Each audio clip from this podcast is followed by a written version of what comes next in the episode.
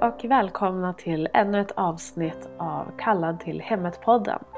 Det här avsnittet kommer att genomsyras av myter och fördomar kring eh, hemmafrulivet. Vi ska helt enkelt slå ihjäl några myter och gå lite mot strömmen idag.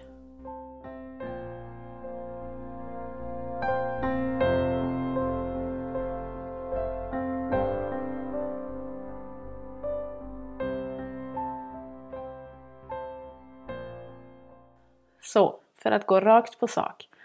I dagens samhälle så har hemmafrurollen och livsstilen antagit en ganska så negativ och nedvärderande klang. Om man som kvinna väljer att vara hemma så får man mer än en gång sitta och brottas med sitt val på grund utav samhällets normer och ideal. En kvinna som inte arbetar antas ofta vara lågutbildad, lite utav en latmask och ibland kanske till och med en eh, snyltare på sin man eller på samhället. En del kvinnor kanske också blir anklagade till och med för att leva under förtryck fastän man har gjort valet helt själv. Som ni hör så finns det en hel del fördomar om kvinnor som väljer att vara hemma. Kanske har du själv haft fördomar eller så kanske du är som mig som har fått fördomar kastade på dig. Oavsett hur din situation ser ut eh, eller vad du väljer så behöver det bli en förändring. För ärligt talat, finns det någon viktigare uppgift i livet än att ta hand om små barn som behöver vägledning och en varm trygg famn att krypa upp i? Det är för mig så förvånande att det finns en skam i att välja hemmet före arbetslivet. Eller någonting så självklart som att välja sin man före sina chefer. Hur har det blivit så snedvridet i dagens samhälle att arbetslivet är mer uppskattat än att ta sitt ansvar som en omhändertagande mamma? Om jag ska vara helt ärlig så har jag inte svaren på alla de här frågorna. Men jag tror tyvärr att feminismen återigen är grundproblemet i hela den här frågan. Hela den kvinnliga frigörelsen innebär att vi strävar efter att lämna bort våra barn så snabbt som möjligt. För att sakta men säkert ta klivet upp. För att bli något. För att bli någonting speciellt. Men för vem? Många kvinnor idag offrar nästan sina barn för sin egen karriärs skull. Och för sin egen stolthets skull. Okej, okay, jag erkänner det kanske var lite hårt och kontroversiellt sagt. Men det finns ändå ett allvar i påståendet. Nu menar jag ju inte heller att alla kvinnor som jobbar drivs av stolthet eller av prestige. Verkligen inte. Men det finns någon slags underliggande atmosfär i samhället som snabbt smittar av sig och som lätt kan leda människor in på fel spår. Så att man kanske till slut glömmer bort vad som egentligen är viktigt. Sen finns det ju också kvinnor som verkligen behöver gå ut i arbetslivet för att de måste försörja sin familj. Men då har man också ett helt annat utgångsläge. Så allting som jag nämner här idag gäller såklart inte för de kvinnor som inte har något val utan faktiskt måste ut och jobba. Om man är till exempel en ensamstående mamma så behöver man ju en inkomst. Och behovet av ett jobb är av väldigt stor vikt såklart. Däremot så kan man ju alltid försöka jobba till ett absolut minimum så att man ändå hinner vara med sina barn och ta hand om dem så mycket man bara kan.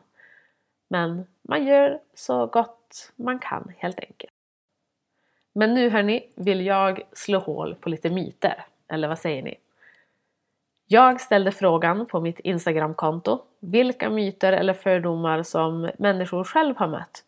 Eh, som de kanske själv har haft eller som de bara vill att jag ska lyfta helt enkelt. Det lustiga var att det var många återkommande ämnen som flera ville att jag skulle ta upp. Så i slutändan så hade jag bara ett fåtal olika ämnen. Men att ta upp det så känns onekligen viktigt eftersom att det verkar vara ett stort problem i och med att så många ser samma fördomar mot sig. Och den allra största fördomen som flest av dem eh, faktiskt lyfte är att hemmafruar inte gör någonting när de är hemma. Att alla sitter hemma i sin lilla lyxbubbla, glassar i solen eller bara lallar på och helt enkelt gör ingenting. Men jag hoppas att de flesta som lyssnar på det här faktiskt har insikt om att så är inte fallet. Om inte så hoppas jag att kunna ändra på er syn på det hela.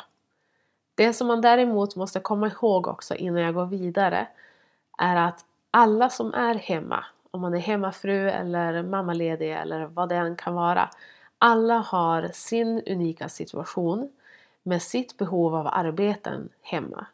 Ingen är den andra lik, så man får aldrig börja med att jämföra sig med andra. Utan istället, om det är någonting som andra gör som du inte gör, försök hitta inspiration utav det istället och undersök huruvida du är i behov av samma arbetsområde eller inte. Det är ju också så oerhört stor skillnad på hur ett hushåll sköts om du har två barn eller fem barn till exempel. Och beroende på hur gamla barnen är så har man ju mer eller mindre tid och mer eller mindre ansvar. Om vi ska ta en liten titt på alla olika områden just bara inom städning så tror jag ändå att de flesta har relativt bra koll på läget. Men jag vill ändå lyfta olika områden så att man verkligen förstår hur mycket som finns att göra. Till de vardagliga sakerna som man kanske gör varje dag hör kanske dammsugning, disk, ordna med måltider. Har man små barn så blir det en hel del blöjbyten. Undanplockning av leksaker flera gånger per dag. Bara sådana saker eh, är sånt som görs varje dag. Mer eller mindre beroende på hem och behov såklart. Städsysslor som man gör ofta men ändå mer sällan än varje dag kan vara sånt som till exempel att tvätta. Här kör vi till exempel flera maskiner tvätt varje vecka och sen går ju torktumlaren varm. Och till tvätten så hör ju också till att eventuellt sortera ut och vika ihop allting och lägga in allting på sin plats. Så det är mycket jobb bara med tvätten. Sen har åtminstone vi en väldigt stor del som går åt till att vattna både blommor och plantor. Så här års på vårkanten så torkar allting ut så väldigt snabbt och vattning kanske varannan dag är inte alltid tillräckligt. På sommaren så har vi också ett växthus och lite odling att ta hand om. Så även där så går det mycket tid åt att vattna och rensa ogräs ibland och sådana saker. Men fler områden inom städning kan ju vara byte av sängkläder, dammtorkning, skurning, putsa speglar, det gör vi mycket, putsa fönster, kanske skrubba mattor, rengöra toaletter, rengöra ugnen, spisen. Det finns alltid garderober att rensa, utrymmen att organisera och fixa till i. Ibland kanske man storstädar alla skåpar. Ja, det finns oerhört många olika sysslor i hemmet bara inom området städning. Så som ni kanske förstår så är det inget latmansgöra att ha hand om hushållet. Även om man ofta sprider ut det på kanske olika dagar, eh, olika veckor eller liknande.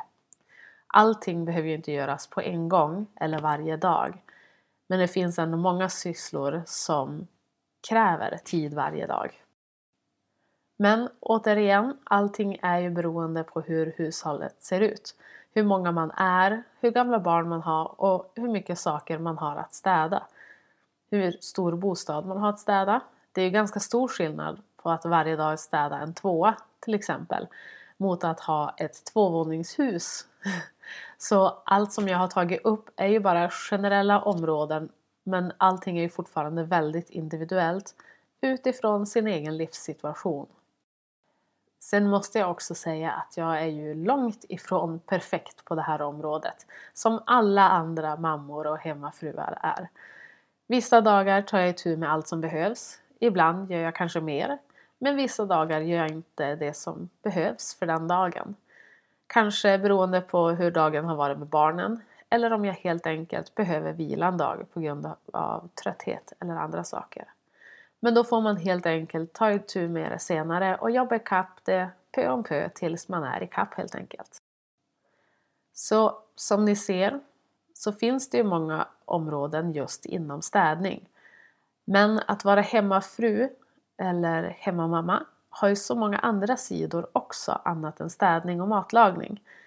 Ibland kanske man skjutsar barnen iväg på aktiviteter, åker till återvinningen, spenderar tid med att hjälpa barnen med deras läxor. Man kanske bakar. Ibland kanske man hälsar på vänner. Mest troligt så handlar man ibland, för det behövs ofta. Eller så kanske man bara sitter helt ensam mitt i natten när alla har gått i säng för att spela in en podd. ja, ibland får man helt enkelt klippa och klistra lite grann för att dygnet ska räcka till. Men ibland så har man också dagar utan vila. Och det är ju det fina tycker jag med att vara hemma att dagar när man är trött och orkeslös så kan man vila för det mesta. Man kan styra sin tid utefter behov och eh, förmåga helt enkelt. Men sen så är det ju så här också att finns det barn hemma så innebär det ju att vi spenderar tid med dem också. För vad är annars vitsen om att vara hemma med dem? Vi kanske spelar spel med dem, bygger pussel, målar, är utomhus tillsammans, bakar tillsammans. Ja, allt som man kan tänkas hitta på med barnen utifrån intressen och möjligheter. Så utöver alla sysslor så ska vi också vara mammor och fruar. Vi kvinnor som väljer att vara hemma sitter inte bara och latar oss utan vi är lika hårt arbetande som de kvinnor som är ute i arbetslivet men på ett litet annat sätt. En annan sak att komma ihåg är att under vår arbetsdag så har vi oftast barnen springande runt oss hela tiden också. Vilket innebär att allt vi gör är tillsammans med våra barn, mer eller mindre.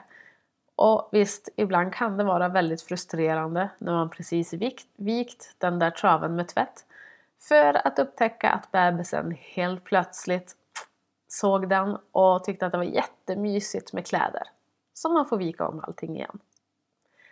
Men det är ändå ett värdefullt arbete i, och i allt det här så bygger vi ändå relation med våra barn eftersom vi lever tillsammans och vi lever så nära varandra.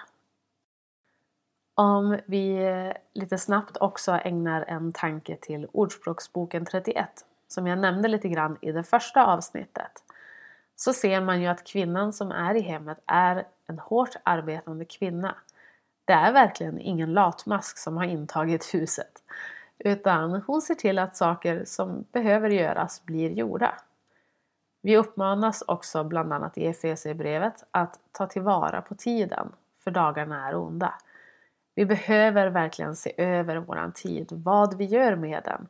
Utnyttjar vi den verkligen på ett bra och klokt sätt så att vi kan utföra ett bra arbete? Och när vi ändå är inne på ämnet så vill jag också lyfta en annan sak lite snabbt. Det är att försök hitta en stund med Gud varje dag. För det är verkligen viktigt. Om det inte finns tid för någonting överhuvudtaget så se till att det blir en tid med Gud på den dagen i alla fall. För att vi ska orka oss igenom vissa dagar så behöver vi gå med Gud och söka oss till honom. För ibland orkar vi kanske inte. Men i vår svaghet så är Gud vår styrka. Och genom honom kan vi klara av allting som kommer i vår väg. Även om det kan se hopplöst och svårt ut. Som ett litet sidospår, vilket jag också nämnde lite i en tidigare podd, är att samhället har skapat stora problem för oss hemmafruar genom att ge en felaktig bild på hur hemmafrulivet ser ut. Människor idag har med andra ord svårt att separera den verkliga hemmafrun med de som visas på till exempel TV. Ta svenska Hollywoodfruar som ett exempel. Lever jag som dem? Nej, verkligen inte. Inte ens i närheten. Det är verkligen två helt skilda världar. Men jag förstår också ifall människor får den bilden av hemmafrulivet om de inte har någonting annat att jämföra med. Även om det är väldigt snedvridet och det är endast en ynka liten procent kvinnor som faktiskt lever så. Jag personligen skulle aldrig någonsin byta ut det liv jag har mot det. Av många, många olika anledningar. Nästa fördom som jag skulle vilja ta upp är lite intressant faktiskt. Och det är att kvinnor behöver en arbetsplats för att kunna ha ett socialt liv. Att man annars blir socialt understimulerad. Detta är väl egentligen en myt som kommer med en viss sanning skulle jag ändå vilja påstå. Jag ska förklara varför. Men det är bra här att komma ihåg att alla människor har ju olika stort behov av det sociala. En del vill ha människor runt omkring sig hela tiden medan andra kanske är lite mer utav en enstöring. Men oavsett hur ens sociala behov ser ut så finns det ändå lösningar. Varför det finns sanningar i det här påståendet beror dels på ditt sociala behov men också på att idag finns det inte så många mammor som faktiskt är på hemmaplan. Det finns inte så många mammor som är hemma med lite äldre barn heller. Vilket leder ju till att utbudet på det sociala planet blir lite begränsat. Om man tittar tillbaka förr i världen så var i princip alla hemma. Och man träffades både nu och då, antar jag. Kanske flera gånger per dag eller varje dag eller flera gånger i veckan åtminstone.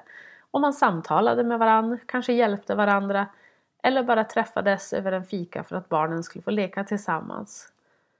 Jag ser faktiskt en viss skillnad på den här frågan bara på mina egna barn. Utbudet på mammor som var hemma var större än när min, mina äldsta barn var små jämfört med hur det ser ut idag. Jag upplever också att den sociala ivern lite har försvunnit om ni förstår hur jag menar. Man vill inte längre träffas lika mycket som förut. Kanske har man alla sina sociala medier man hänger på, vad vet jag. Men jag upplever i alla fall att människor har backat mer i det sociala på senare år. Nu har vi ju visserligen också haft två år av oerhört begränsade kontakter med alla restriktioner och allt vad det innebär.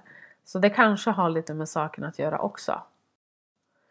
Men en annan lösning ifall du jagar socialt umgänge är ju att ta kontakt om du vet till exempel någon pensionär eller liknande som är hemma. Många skulle nog älska lite extra sällskap och eh, framförallt barnbesök.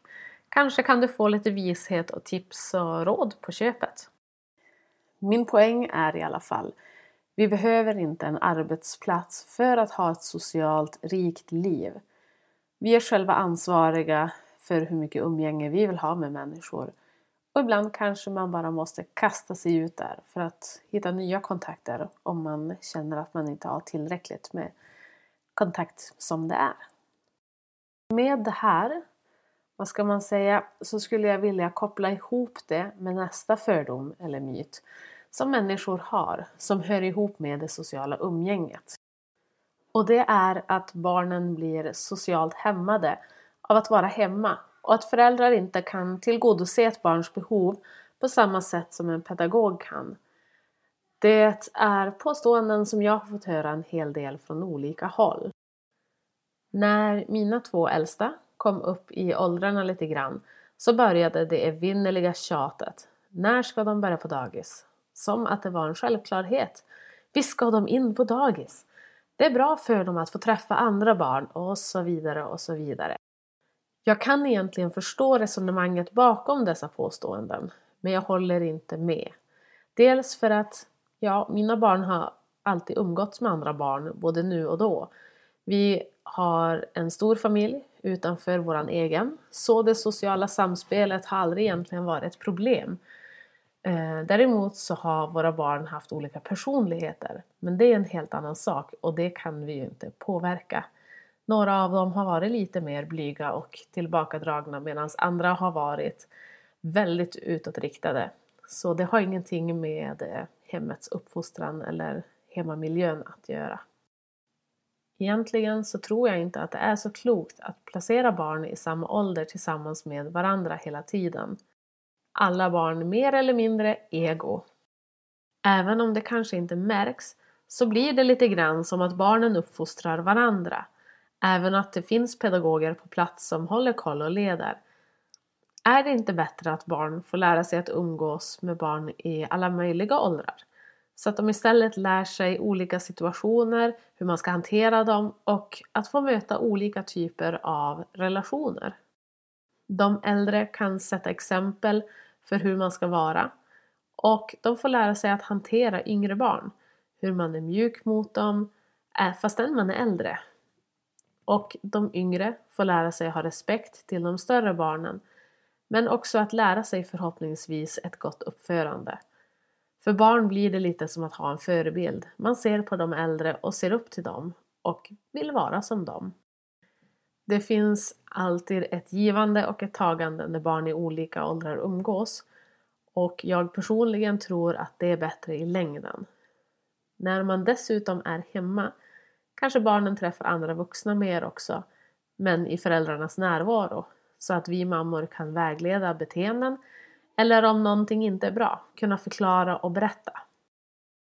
Om man till exempel tar med sig barnen och besöker äldre så kanske barnen också får lära sig hur man bemöter dem. Man kanske måste prata lite tydligare, vara lite artigare och lugnare. Det kanske finns något barnen kan hjälpa de äldre med till och med.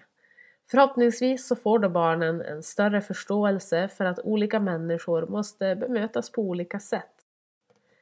Så att vara hemma med barnen innebär inte att barnen per automatik blir socialt hämmade.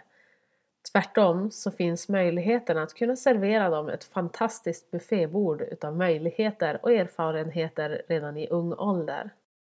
Erfarenheter som de kommer att ha användning för under sin uppväxt men också i det besvärliga vuxenlivet. Och jag tror att det är bra att de redan från början får lära sig att ta och hantera olika typer av personligheter. Om vi då tittar på den andra delen, att föräldrar inte kan tillgodose sina barns behov för att de inte har samma pedagogiska utbildning som de inom skolan. Det här är ett påstående som ibland faktiskt kan göra mig lite upprörd. Det här känns som en mentalitet applicerad för att rättfärdiga att barn har det bättre på dagis än hemma med sin mamma. En förälder är i första hand det bästa för barnen. Ingen annan känner barnen så väl som mamman gör och vet hur barnet fungerar. Visst, ibland har man kanske inte alla svar, men då får man ju helt enkelt ta reda på dem. Här hittar vi också den viktiga principen med att äldre kvinnor ska lära de yngre, som uppmanat i Titusbrevet 2, som vi gick igenom förra avsnittet. Om vi har frågeställningar eller det är något område där vi känner oss otillräckliga så ska vi kunna gå till de äldre kvinnorna som redan har varit i våran sits, kanske, för att rådfråga eller hitta stöd och tröst hos dem. För det är klart, mammalivet har sina motgångar, men allt som vi behöver finns, eller åtminstone borde finnas runt omkring oss. Självklart förstår jag också att det finns familjer där mamman eller föräldrarna kanske faktiskt inte klarar av att ta hand om sina barn. Men som vanligt så det jag pratar om det är generellt eh, och undantagen är inte medräknade såklart. En annan fördom som vi också hittar är att det är uttråkande att vara hemma hela tiden. Att man drabbas av tristess helt enkelt. Och utifrån vad vi redan har pratat om så tror jag att ni kanske känner att innehållet i det här påståendet kanske inte är så trovärdigt. Och nej, det är ju inte sanningen. Det är klart, en del dagar kan ju kännas jättetrista och supertråkiga. Om det till exempel är dåligt väder eller liknande som man inte kan hitta på så mycket. Eller att man helt enkelt har en dålig dag. Men sanningen är också den att det är faktiskt nyttigt att någon gång ibland ha lite tråkigt. Det är bra för barnen att lära sig att allting är inte underhållning och skoj hela tiden. Utan ibland så finns det stunder av stillhet eller ja, tristess. Jag tror att det kan vara viktigt att barnen upplever att ha lite tråkigt ibland också inför det kommande vuxenlivet. För det tror jag att alla ibland kan instämma med. Ibland så infinner sig ju tristess eh, hos vuxna också. Jag har ofta hört kvinnor påstå att de kan inte vara hemma för det skulle bli så tråkigt i längden. att det inte kommer finnas någonting att göra till slut. Men det är ju faktiskt helt upp till dig som mamma. Om du vill ha saker att göra, hitta på saker. Se till att ha saker inplanerade som ni kan göra. Men om man återigen tittar också på allt som vi har gått igenom som innefattar hushållet så är det inte säkert att du kanske alltid har tid att få tråkigt. Det kanske inte alltid är kul att till exempel städa, men tro mig, det kommer alltid finnas någonting som du eller barnen kan göra. Och har du inte barn som bor hemma, ja men då har du ju en ypperlig möjlighet till att kanske prova på saker som du har velat prova eller utforska och hitta på någonting nytt. Hitta en hobby. En eh, sista lilla myt som jag skulle vilja nämna här idag är någonting som inte kommer från frågeställningen jag hade på Instagram. Utan det här är någonting som jag har gått och reflekterat över i många år. Oavsett om vi väljer att vara arbetare i hemmet eller ej, om vi är kristna eller inte, så finns det en viktig sak som jag måste få ta upp. Hur många gånger har du hört uttrycket om jag mår bra så mår min familj bra. Eller om jag mår bra så mår mina barn bra. Det kanske må låta vackert men eh, om jag ska vara helt ärlig så tycker jag att det är lite utav en ja, infektionsböld som vuxit till sig bland människor. Så varför är det här, det här ett uttalande som får mig att ibland nästan fälla en tår inombords? Jo, för att i just den här mentaliteten så gömmer det sig en lurig liten sak, nämligen egot. Och utan att gå på för hårt så vill jag först vända på skutan så att ni får höra skillnaden på, ett, på olika tankesätt helt enkelt. För hur skulle ni uppfatta det om jag istället sa Om min familj och mina barn mår bra, då mår jag också bra. Många kvinnor ägnar hela livet åt att söka efter det där som ska vara bra.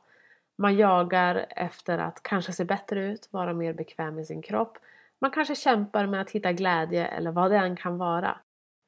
Problemet är att man ägnar så mycket dyrbar tid till att söka efter det där välmåendet utan att många gånger faktiskt hitta en lösning.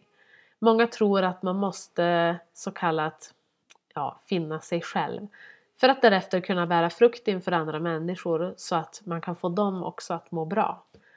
Att eh, lite mentaliteten hjälp dig först och hjälp sen andra. Tänk dig, du kommer till en punkt i livet när du kanske inte mår så bra. Du kanske blir deprimerad eller liknande och till slut så går det ut över din familj.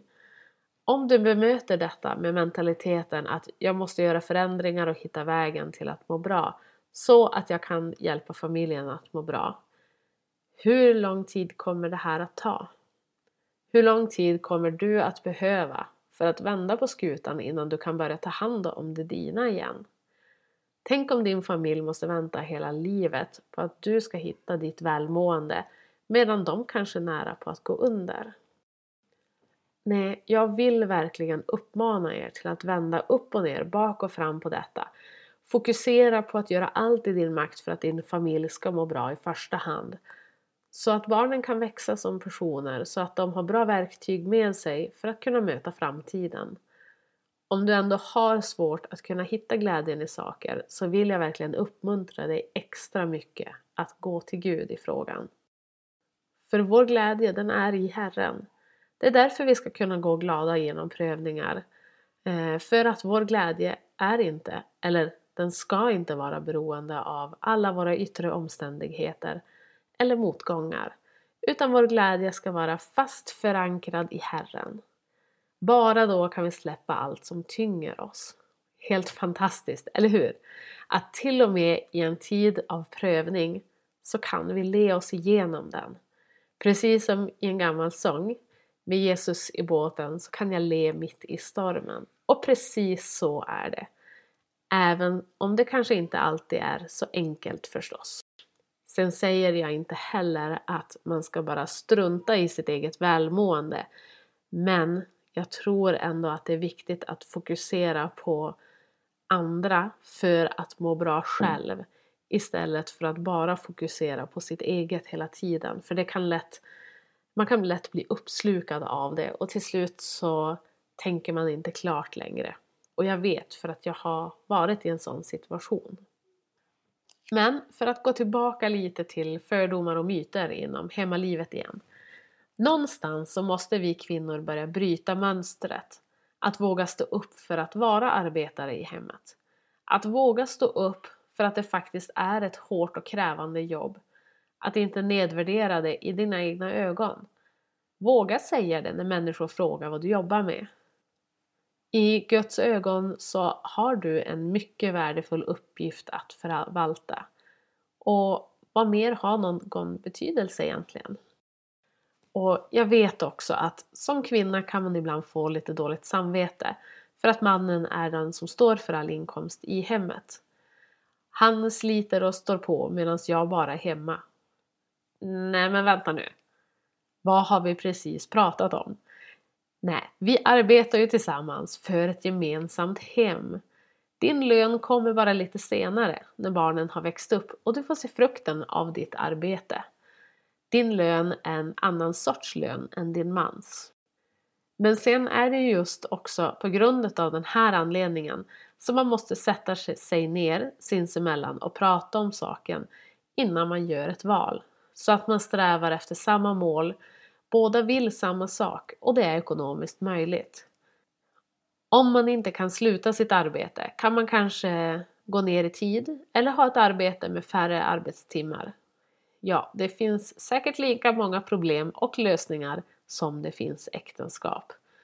För som jag sa tidigare, allas situation är unik och individuell. Vi har alla våra egna förutsättningar även om vi kanske har samma tanke och mål. Jag hoppas att jag idag i alla fall har kunnat visa dig en annan sida utav hemmafrulivet än vad samhället har målat upp och indoktrinerat oss med helt enkelt. Och om jag ska vara ärlig så hade jag ju aldrig behövt starta den här podden om det inte vore så att samhället och feminismen har gått så hårt på för att verkligen döda den mysiga, fina, genuina bilden på en kvinna som arbetar i hemmet. Och jag hoppas att kanske fler utav er där ute vågar ta steget till en faktiskt mer harmonisk livsstil med ett mycket fint syfte. Så eh, våga gå mot strömmen. I nästa veckas avsnitt så kommer jag att prata om ödmjukhet och stillhet. Så missa inte det. Om du vill höra utav dig med tankar eller frågeställningar kring podden, kanske har du mötts av fördomar kring hemmafrulivet som du vill dela, eller så kanske du själv sitter och ruvar på någon fördom som du vill ha svar på. Skicka gärna iväg ett mail till mig på kalladtillhemmet.gmail.com eller skicka ett meddelande på min Instagram med samma namn, kallad till hemmet. Så eh, varmt välkomna tillbaka om två veckor igen. Var välsignade. Hejdå!